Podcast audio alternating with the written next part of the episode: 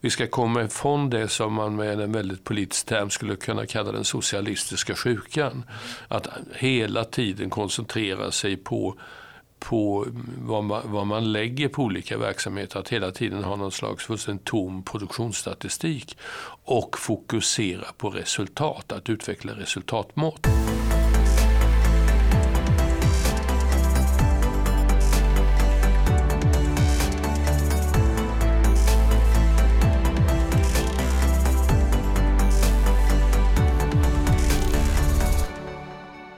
Mats Svegfors är publicist, ämbetsman och bland annat har han varit vd för Sveriges Radio, chefredaktör för Svenska Dagbladet, landshövding i Västmanland och mycket annat.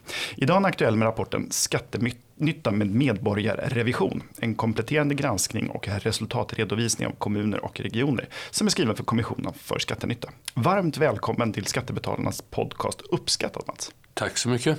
Vad trevligt att ha dig här. Mm. Medborgarrevision, vad är det för någonting? Man ska inte börja med att säga vad saker inte är, men jag tror jag ska göra det. Medborgarrevision i den mening vi använder i, eller jag använder den här rapporten, det är inte revision. Utan det man kan säga det är, det är en granskning. Eh, och tanken är att det ska vara en granskning utav framförallt kommuner och regioner. Eh, som består helt enkelt i att medborgarna får tillgång av till grundvärden när det gäller vad kostar olika tjänster på kommunal och regional nivå och vad får man ut av de pengarna som man lägger på tjänsterna. Kostnader och nytta och det här ska medborgarna i grunden ha tillgång till inför varje val. Och då är inte den stora tanken det är inte någon slags teoretisk eh, demokratisk eh, modell. Utan det är helt enkelt att medborgarna ska kunna jämföra vad kostar en, en plats i tredje årskursen i grundskolan i min kommun och vad kostar den i grannkommunen och vad kostar den i liknande kommuner. Och så ska medborgarna kunna fråga sina politiker, ja men varför varför är det så mycket dyrare här? Eller de ska kunna säga jippi, vi är, det här är billigast och bäst i landet. Mm. Men då måste man inte bara mäta kost, jämföra kostnader utan också jämföra kvalitet va? Mm, jämföra kvalitet, jämföra nytta man, man får ut. Mm. Och det kommer ju nu många säga, det går inte. Jo då, det går. Det blir inga perfekta mått.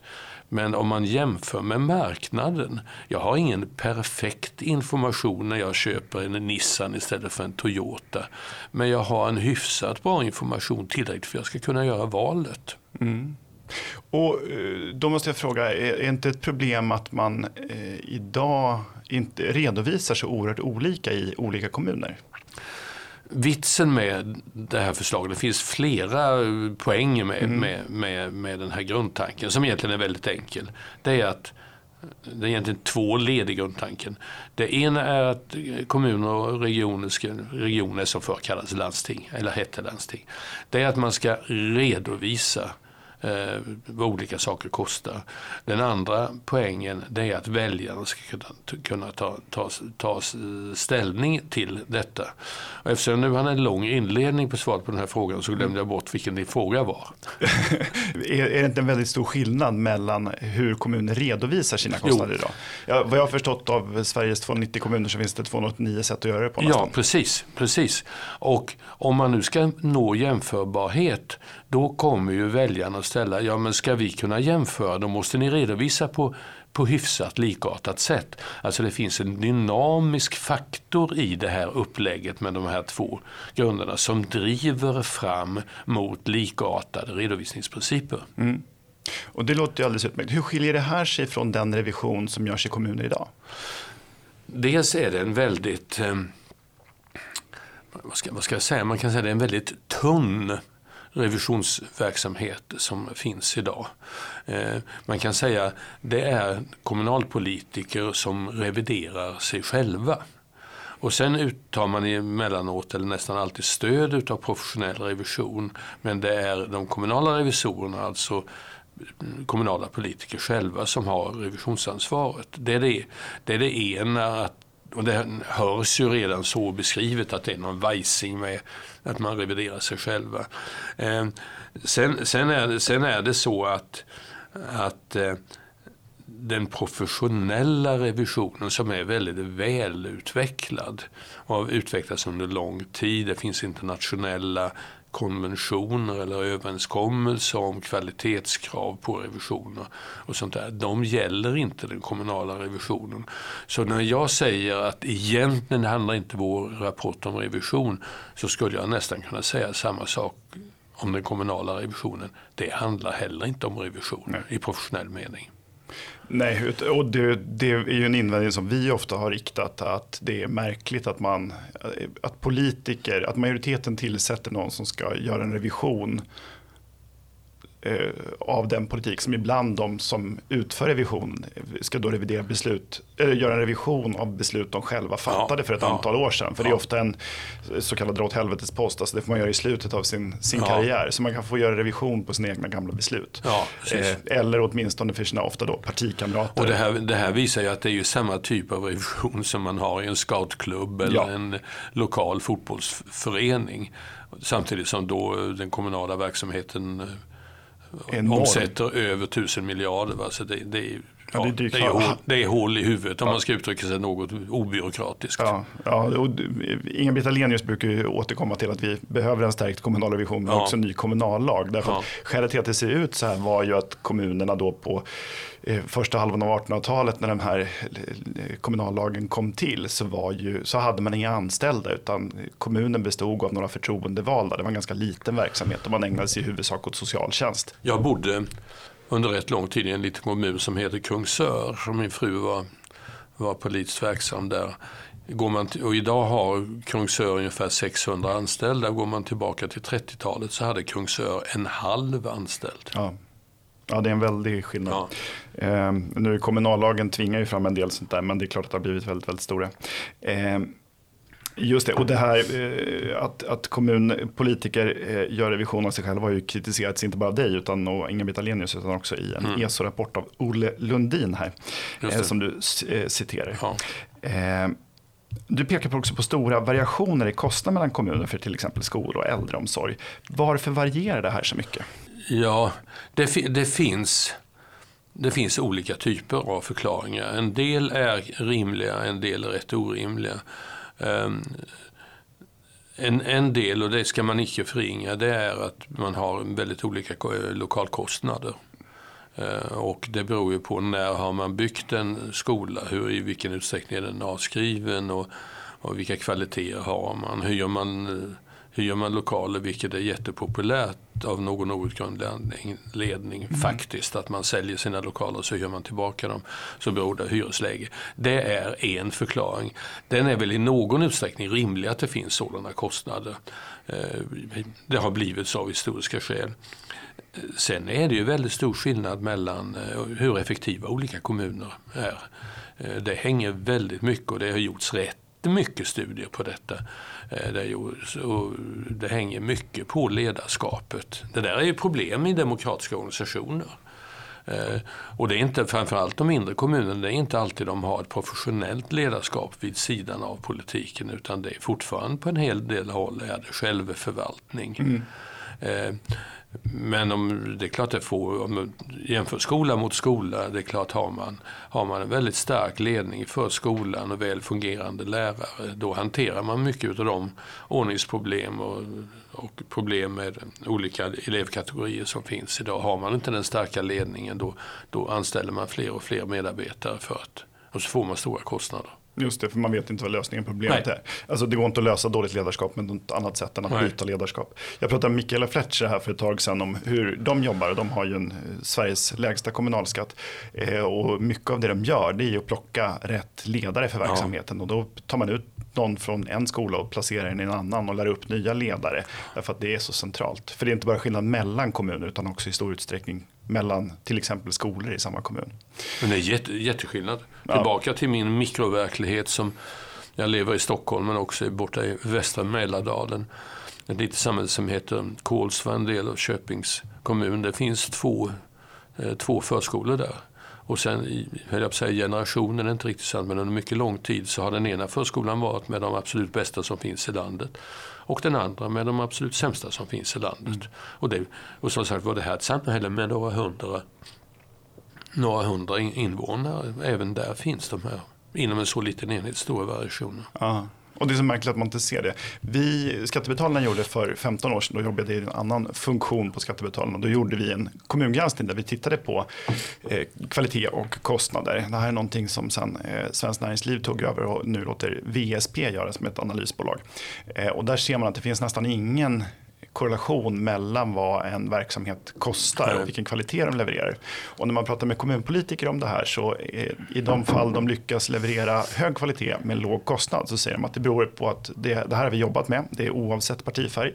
Det här har vi jobbat aktivt med och vi har satsat eh, mycket på att utveckla just den här verksamheten. Det kan vara gymnasieskolan till exempel. Mm. I samma kommun finns ofta en verksamhet som kostar väldigt mycket och fungerar väldigt, väldigt dåligt. Och då är förklaringen alltid att det beror på väldigt särskilda förutsättningar för just den verksamheten i den kommunen. Ja. Och det går inte, absolut inte att ändra på på nej, något sätt. Nej, utan precis. där man lyckas, där är man duktig och där man misslyckas, där... där är man fortfarande det, duktig. Exakt, det är saker utanför vår kontroll. Jag tycker att det är oerhört intressant. Och ja. nästan alla kommuner har verksamhet som, som funkar bra och är billig. Och väldigt många kommuner har eh, mm. verksamhet som är ganska dålig kvalitet och, och dyr. Eh, Eh, för att fördjupa demokratin på lokal nivå och regional nivå så, och eh, samtidigt skapa ett underlag för mer effektiv hushållning av gemensamma resurser så vill du se en systematisk uppbyggnad av öppet redovisat granskning av kostnader och kvalitet i kommunernas egen verksamhet. Hur skulle det här gå till rent konkret? Ja, rent, rent konkret är det inte så, eh, så komplicerat. Eh, och jag tillbaka till eh, att detta med att väljarna får tillgång till till underlag som de kan utnyttja inför varje val, då får man en stark drivkraft eh, Ehm, stark drivkraft. Det är inte bara ett demokratiskt ideal utan man får en stark drivkraft där väljarna säger men vi, vill, vi kräver en förklaring. Varför är skolan dyrare i vår kommun än i grannkommunen? Och, då, och det, det, här skapar en dynamik i systemet som kommer att driva fram emot en bättre och bättre redovisning. Därför politikernas svar kommer vara, som vi har varit ja. inne på, att ja, det är så speciella omständigheter. Ja, ibland finns det speciella omständigheter och då går det ju, går det ju att visa det. Oftast är det bara en förevändning för att inte ta tag i i, eh, för att inte ta tag i, i problem. Eh, rent tekniskt hur det ska gå till, det finns idag ett, en samverkan mellan SKR, alltså Sveriges kommuner och regioner, gamla kommunförbundet, landstingsförbundet å ena sidan och staten, där man, där man utvecklar sådana här jämförelser jämförelsetal. Det har byggts upp i, i på SK, är, tidigare SKL, har byggts upp en mycket stor databas som heter Collada. Det. Så det finns ett underlag för detta. Sen är det väldigt viktigt, och det vet jag inte om jag, om, om jag skriver, men det är väldigt viktigt att det här ska vara så att säga, en expertdriven verksamhet. Det, det ska inte vara en parlamentarisk kommitté där, där olika politiska företrädare resonerar samman sig. Utan det här ska, I den meningen ska det likna revision. Alltså själva instrumentet, redovisningsmodellerna, de ska utvecklas utav sakförståndiga människor. Finns det inte en risk då att det här används på nästan rakt motsatt sätt? Att eh, oppositionen till exempel, eller medborgarna klagar på verksamheten och säger ja nu ser kvaliteten okej okay ut här men vi, vår skola kostar så mycket mindre än i grannkommunen, borde vi inte satsa ännu mer pengar här? Jo, men det är ju det som är vitsen att vi ska vi ska komma ifrån det som man med en väldigt politisk term skulle kunna kalla den socialistiska sjukan. Mm. Att hela tiden koncentrera sig på på vad man, vad man lägger på olika verksamheter. Att hela tiden ha någon slags fullständigt tom produktionsstatistik. Och fokusera på resultat, att utveckla resultatmått. Och det undviker man ju sorgfälligt idag. Jag ska bara ta ett exempel som jag tar med. Rapporten min fru var under senare delen av sitt liv, sitt professionella liv, eh, gymnasielärare. Och jag frågade henne vid tillfälle, jag bara förutsätter att ni gör en femårsuppföljning och tioårsuppföljning vad som hänt med era elever. Hon bara tittade på mig. Hon hade aldrig, hon hade aldrig hört tanken nämnas. Eh, tänk, eh, jag sätter verkligen inte alltid privat näringsliv som mönster för offentlig verksamhet. Men om man inte hade en uppfattning om vilken kvalitet man gör på Volvo Cars, det är alltså tanken svindlar ju. Om jag frågade en, en företrädare för detta numera Kina-ägda eh, företag vad hur länge håller en Volvo? Mm. Han skulle svara, det har jag ingen aning om. Jag har inte ens funderat på det. Aldrig någon som har tänkt tanken. Men det vore ju absurt. Ja, det vore fullständigt absurt. Ja. Då skulle inte Volvo finnas kvar. Nej. Nej, och jag tycker att det här återkommer i all offentlig verksamhet. Ja. Det handlar inte bara om kommuner och regioner utan så fort man ser ett problem så är lösningen att kasta mer pengar på, ja, på problemet. Ja. Eh, och, och eh, allra värst tycker jag att det blir, inte sällan i valrörelsen när det ska instiftas olika typer av miljarder. Det kan vara skolmiljarder eller vårdmiljarder eller någonting som ska smetas ut. Det låter ju som mycket, en miljard är mycket pengar men inte om det ska smetas ut över 290 kommuner eh, och dessutom då bara ställa till problem för kommunerna när de ska ansöka om de här pengarna. Eh, och det är ju som sagt inte säkert att kvaliteten ökar bara för att man tillför mer pengar. Nej, och problemet, alltså problemet är stort när man ska söka det ännu större när man ska redovisa resultat. För att kör du in en miljard i en sjuk och hälsovårdsbudget på 300 miljarder. Jag menar det går ju aldrig att spåra effekterna av det. Nej. Nej, det är helt omöjligt. Och dessutom så kommer människor i kommunerna få ägna sig åt redovisning. Ja. Och på statlig nivå att ägna sig åt att utvärdera de här resultaten som naturligtvis är väldigt svårmätta. Däremot är ju sjukvården intressant för där har vi kommit rätt långt när mm. det gäller, eh, när det gäller eh, öppna jämförelser. Ja. Eh, och, och det finns så kallade register som utvecklas egentligen i grunden i bottom up enskilda läkare som utvecklar kvalitetsregister. Och då kan man ju se hur man kan jämföra sjukhus för sjukhus. Överlevnaden till exempel i ja, speciella olika hjärtoperationer. Eh, så att här, och det är väldigt viktigt att säga, det finns rätt mycket utav det jag skriver om men det är inte systematiserat och det är för mycket koncentrerat på på resursinsatsen och för lite på resultatet. Just det. När jag hade för ett år sedan ungefär så hade jag Klas Tickaren här som är på Nordic Capital. Han är operativ chef där och de eh, ägde ju under en period Sankt Görans sjukhus. Eh, och de utvärderade och mätte ju precis allting ja. Eh, eftersom det låg i väldigt mycket deras intresse. Det visade sig också att deras verksamhet var mer kostnadseffektiv och gladare personal och bättre vårdade patienter och sådär. Det var, inte, det var oerhört intressant. Finns det inte en invändning från kommunerna här att de kommer att säga att det här är en inskränkning av självstyret? Då? Det bara förutsätter jag. Mm. Eh, jag är mycket varm anhängare av, av, av självstyre. Bland annat från den här utgångspunkten att mm. man, har, man har 290 kommuner, vi har 21 regioner. Det finns, till skillnad från statlig verksamhet, här finns verkligen möjlighet om man väl till, öppnar för ett effektivt självstyre att kunna jämföra. De gjorde så, då blev det så. De gjorde si och då blev det si. Eh, så, att visst, så det är mycket, mycket, mycket viktigt med, med, med självstyret. Men det är en sak. En annan sak som ofta drivs ifrån kommunerna, det är som vi hade ett slags kommunfederativt system, mm. alltså att kommunerna skulle vara självständiga. Nej, det är staten som har inrättat kommunerna. Det är staten som bestämmer de legala förutsättningarna för den kommunala verksamheten. I den meningen äger staten kommunerna. Så är det ju tvivelsutan. Eh, och, och vi har en väldigt omfattande kommunallag som reglerar väldigt mycket vad kommunerna gör. Vi har också mycket stora statliga bidrag till kommunerna. Så den här liksom, kommunala självstyret, att det skulle inskränkas mycket av att tvinga fram en, en enhetlig eh, genomlysning av verksamheten, både kostnadsmässigt och kvalitetsmässigt, det tror jag inte vore ett problem. Eh, vem skulle kunna göra en sån här revision då? För att misstänka att det inte är samma eh, gamla politiker som, som gör revisionen idag. Nej, jag ser framför mig, jag ser framför mig att det skulle möjligen nuvarande revisionsföretag skulle bygga upp en egen verksamhet i en egen fil eh, för detta. Jag vill understryka att det är inte revision i en formell mening. Däremot är det ju näraliggande mm. revisionen. Och det är nästan för självändamål att det finns ett antal olika leverantörer av sådana här tjänster återigen för att få pluralism och, och få, en, få en typ av konkurrens i detta. Men då också att inte, inte då skulle man acceptera kartell i den meningen att mm. här, här vore det självändamål att man samarbetade om att, ut, att utveckla det här instrumentet. Men jag tycker det vore naturligt att, att dagens stora konsultföretag och revisionsföretag utvecklade detta. Det bör finnas flera. det finns ingen anledning att det är staten som ska bygga upp den här verksamheten i sig. Nej, okay. Och det finns ingen risk då att, att man vill tillfredsställa kunden från de här bolagens sida då och göra revisioner som kan se bättre ut än vad de är?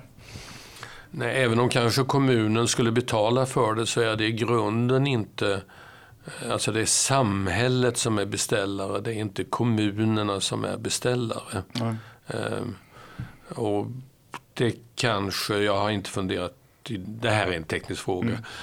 Det är möjligt att det här ska, formellt sett ska vara en statlig, eh, statlig verksamhet. Mm. Ja, jag vet att jag har resonerat med Inga-Britt Ahlenius ja. om detta. Och, eh, man skulle kunna ha, åtminstone, om inte statlig så, eller statligt inrättat men regionala eh, liksom revisionsverk eller så. Alltså ja. en, form av riksrevision som ligger fast på regional nivå. Ja. Eh, Eh, en sak som, som jag har funderat lite över, det, jag tror att det är jättebra, jättebra första steg att inrätta en sån här eh, genomlysning av verksamheten där man mäter kostnader och kvalitet. Men det saknas då formella sanktionsmöjligheter. Vad händer med kommuner som, som inte sköter sig? För jag pratade bara här veckan med en eh, person som hade varit eh, suttit i kommunrevisionen och han hade då föreslagit att kommunen inte skulle få ansvarsfrihet varpå kommunfullmäktige glatt röstade för att det skulle de visst få mm. eh, och sen så fick han inte göra revision om en gång. Eh, så det, och det visar ju bara på hur illa mm. dagens revision funkar. Borde man inte koppla någon form av sanktionsmöjligheter till kommuner som, som konsekvent underpresterar? Borde det finnas något, någon form av verktyg för att tvinga fram det? Eller tror Men det, det, det, det är ju det som är det eleganta, den, den, den sanktionen finns i de kommunala valen. Mm. Eh, alltså man, jag tycker man bör se på de som röstar, röstar de kommunala valen som ägarna utav verksamheten. Precis som ägarna samlas till bolagsstämma. Och har en bolagsledning skött sig tillräckligt illa så byts den ut. Mm. Då ändrar man ytterst ändrar man ju, byter man ut styrelsen med uppdrag att byta ut bolagsledningen. Eh, samma sak här och det är ju det som är det viktiga, viktigaste inslaget i demokratin. Det är ju möjligheten att effektivt byta ut de politiker som har rått tidigare. Tror du att det finns ett tillräckligt sånt starkt demokratiskt tryck? För att många upplever jag eh, kanske inte är så engagerade på kommunal nivå. Man följer partiledarutfrågningarna, man, man har inte sällan då en eh, allt sämre skulle jag säga bevakning från lokalmedier på kommunnivå. Så kommer det här följas upp tillräckligt mycket? Och ibland så sitter ju också opposition i majoritet i knät på varandra och ger varandra poster och sådär. Finns det, räcker det ansvarsutkrävande tror du? Eh, jag tror det. Ja. Eh, jag vet inte. Jag, eh, jag, jag, jag, tror det. Jag ser framför mig att, och det var egentligen där jag började tänka, lite, lite närmast anekdotiskt. Jag deltidsbor i en liten kommun som heter Skinnskatteberg. Ehm, 4500 invånare.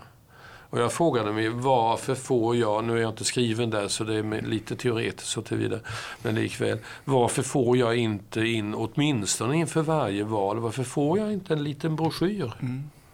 Eh, det finns någon, någon sån där väldigt enkel publikation som berättar om när det är finska gudstjänster och sånt där. Mm. Då skulle man lika väl kunna tänka sig att kommunen berättade om det här kostar våra verksamheter och det här är kvaliteten. Ja. Så att jag, jag, jag, fick en, man skulle till och med kunna vara så gammaldags som man fick det i brevlådan i pappersform. Ja, ja. Och så, så, här har det utvecklats ja. sedan förra valet. Och det kan fylla flera, flera mm. funktioner. Det som jag inte har varit inne på det är ju att redan redovisningen av kostnaderna av verksamheten det finns ju en föreställning att, att, det finns en föreställning att ja, det har försvunnit, vi har så få läkare, vi har så få sjuksköterskor etc. etc. etc. etc. När det i själva verket är precis tvärtom. Mm. Politiskt målas ju bilden av att sjukvården har i stort sett tömts på resurser eh, sedan 90-talet. Det är precis tvärtom. Ja. Eh, Sverige dräller av läkare. Ja, vi har väl bland de högsta läkartätheterna i världen. Ja. Um, Och sen är det en intressant fråga varför de inte har tid med patienter. Mm. Och det kan finnas goda skäl. Men alltså redan verksamhetsredovisning där jag kan se det jag kan se i min kommun eller i min region. Eh, för idag finns det så många läkare, för 30 år sedan var det så många, så då kommer jag ju se. Mm. Det har fördubblats antalet läkare. Ja fördubblats antalet läkare. Jag tror att det ligger en väldig dynamik i den här typen av redovisning. Både jämförelsen, förståelsen för de, hur stora resurser det är vi ändå avsätter nu tycker jag att svensk sjukvård i många stycken är bra. Ja. Så vitsen med det här resonemanget, men att man, att man ändå får en grundredovisning. Ja. Nej, svensk sjukvård funkar bra, när man, framförallt när man väl kommer in ja, i vården. Jag skulle vilja men, spetsa till det, framförallt om man är sjuk. Ja, exakt. Är man däremot frisk ja. och känner ett desperat behov av läkare, då är det svårt att komma ja. in till. Och, men det, och det stora problemet är att läkare ägnar så oerhört mycket tid åt rapportering, byråkrati till exempel. Ja, det är eh, nog det. det, det och inte bara läkare. Det nej, gäller, det gäller lärare, det gäller många verksamheter. Ja, till och med min pappa som tidigare var verksam som tandläkare vittnade om att det var rätt mycket tid som ägnades åt just att fylla i blanketter fylla istället för att fylla i tänder. Ja, precis. Ja, eh, exakt. Och vi hade Kajsa Dovstad här, eh, har vi haft tidigare som gäst som, som jobbar på Timbro och ja. är läkare. Och hon vittnade om att samma uppgifter om en patient ska fyllas i på fem, sex olika ställen istället för att man har fyller i centralt på en plats och ja. sen fördelar ut det digitalt. Eh, vi har också skrivit en rapport om detta om digitalisering i vården som skulle kunna spara mycket pengar där Sverige ligger efter. Eh, vi pratade lite om, om Colada som är den här jämförelsedatabanken. Eh, men 2011 så kom staten och dåvarande SKL, numera SKR, överens om att satsa på nationella kvalitetsregister. Hur skiljer de sig då från det här som du föreslår? Um, ja, som sagt var, det finns ju olika, inom sjukvården finns då de här registren och Collada en annan typ av. Jag kan säga att det här är båda komponenter som ligger i grunden. Det kräver en, en, en vidare, mm, vidare utveckling. Eh, och de här nationella eller registren skiljer sig åt mellan olika specialiteter så det går inte, det går inte att säga generellt. Om man tittar på Collada, där, där fattas fortfarande en hel del utav utav kvalitetsmåtten. Mm. Eh, det finns ytterligare en komponent och det är eh, Skolinspektionen, Skolverket gör en hel del på sitt, sitt område. Så, ehm, det finns en rätt god grund, finns en rätt god grund att, att för att börja utveckla. Men, men, men det krävs rätt mycket utveckling. Ja. Och det måste ju vara förhållandevis enkla och tydliga eh, jämför jämförelsebegrepp så att säga. Just det. Och, så att, och det, så det, åter, det står, återstår rätt mycket utvecklingsarbete. Det kommer ta tid. Det kommer ta tid. Men när vi väl har lagt några år på detta så kommer det vara en självklarhet. Det tror jag också. Jag undrar om... Det är klart att vi, vi kommer ju säga så här, det är klart vi som ägare av den offentliga verksamheten, vi måste ju, vi måste kunna svara på frågan vad får, vad får vi för skattepengarna?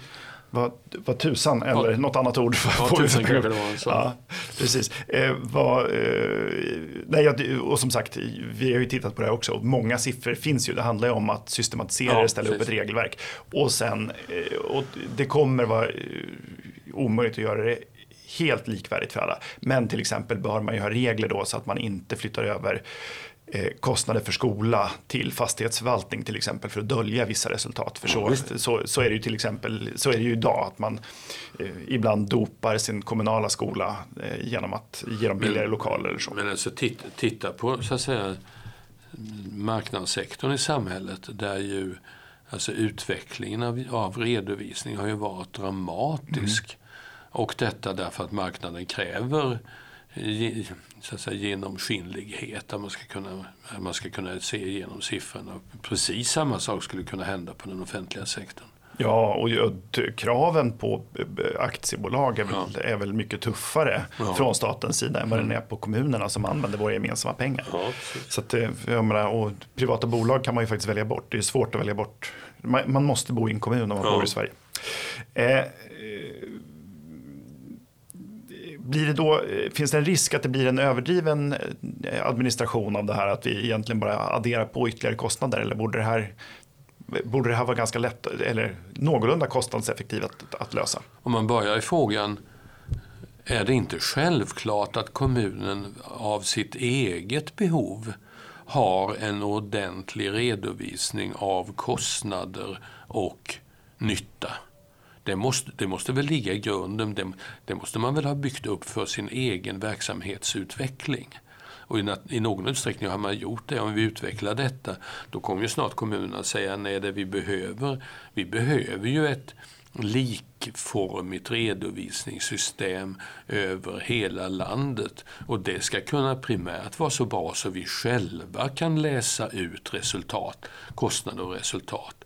Att man måste kunna jämföra eh, Eh, jämföra mellanstadiet i en av kommunens skolor med den andra, andra skolan. Och där har man ju ett eget intresse, inte framför allt för att serva ett sånt här system eh, ett, ett eget intresse av att göra det fullt ut jämförbart. Ja, och det, det, alla som driver en verksamhet vet ju att just den typen av jämförelse är ju en sporre för en själv att se ja. hur har man kunnat spara, hur kan man spara pengar här? Jag tittar ju och diskuterar ju löpande med andra eh, personer som leder organisationer som mm. på något sätt liknar vår för att hitta sätt där man kan jobba smartare ja. och hitta enklare, smartare sätt. Och, och, vi redovisar ju löpande för medlemmarna inte bara hur ekonomin ser ut utan ja. också vilken, hur vi har lyckats. Ja. Eh, och då är vi en väsentligt mindre organisation än en, än en kommun. Eh, jättespännande liksom, Mats, jag hoppas verkligen att mm, eh, det finns eh, folk i både regering och riksdag som tar till sig det. Vad borde man göra med, med den rapport du har skrivit? Ja, den det är ju ett väldigt enkelt svar. Jag tycker att man på Finansdepartementet skulle läsa denna och säga att det här är ju alldeles rätt tänkt. Nu, eh, nu tillsätter vi en särskild utredare som berättar lite mer i detalj hur, hur det här ska läggas upp och hur en genomförande strategi ser ut. Till skillnad Många av de utredningar som kommer tillsättas nu de ska, till, de ska svara på frågan om olika mm. saker ska göras. Om den frågan behöver man inte besvara här. Det finns inga, finns inga komplikationer. Det är bara att bestämma att det här, är, det här ska vi göra och då blir det en hur-utredning. Den behöver inte ta särskilt lång, eh, lång tid utan man kan, eh, det kan man besluta näst, nästa riksdag. Alltså inte efter nästnästa riksdagsval utan Nej. nästnästa år. Ja. Och de kommuner som tycker att man inte vill vänta på staten, det är bara att sätta igång och utveckla detta. En uppmaning till, till alla här. Eh, nej, jag tycker just att den, den, här skulle ju fungera alldeles utmärkt som, som ett underlag till, till en utredning. Mm. Eh, lätt justerad så går den att sätta i händerna på någon för att göra det här lite mer i detalj. Och sen så är det bara faktiskt att sätta igång. Ja. Eh, och så hoppas vi att det är några kommuner som springer på den här bollen innan och börjar först. Det vore mycket, mycket bra. Mats, stort tack för att du tog mm. dig tid att komma hit till oss idag. Mycket uppskattat. Mm, tack. Och tack för att ni har lyssnat. Uppskattat är en podcast från Skattebetalarnas förening. Vi arbetar för låga och rättvisa skatter, rättssäkerhet för skattskyldiga och minskat slöseri med skattepengar. Vi bildar opinion och folkbildar i skattefrågan och vi lever som vi lär och tar bara emot frivilliga bidrag. Uppskattar, uppskattar du podden och vill medverka till att Sverige blir ett land med minskat slöseri och rimligare skatter så stödjer du oss enklast genom att bli medlem. Läs mer och bli medlem på www.skattebetalarna.se bli medlem. Tipsa också andra gärna om podden och betygsätt oss gärna och högt i din poddlyssningstjänst. Till nästa vecka, ha det så bra!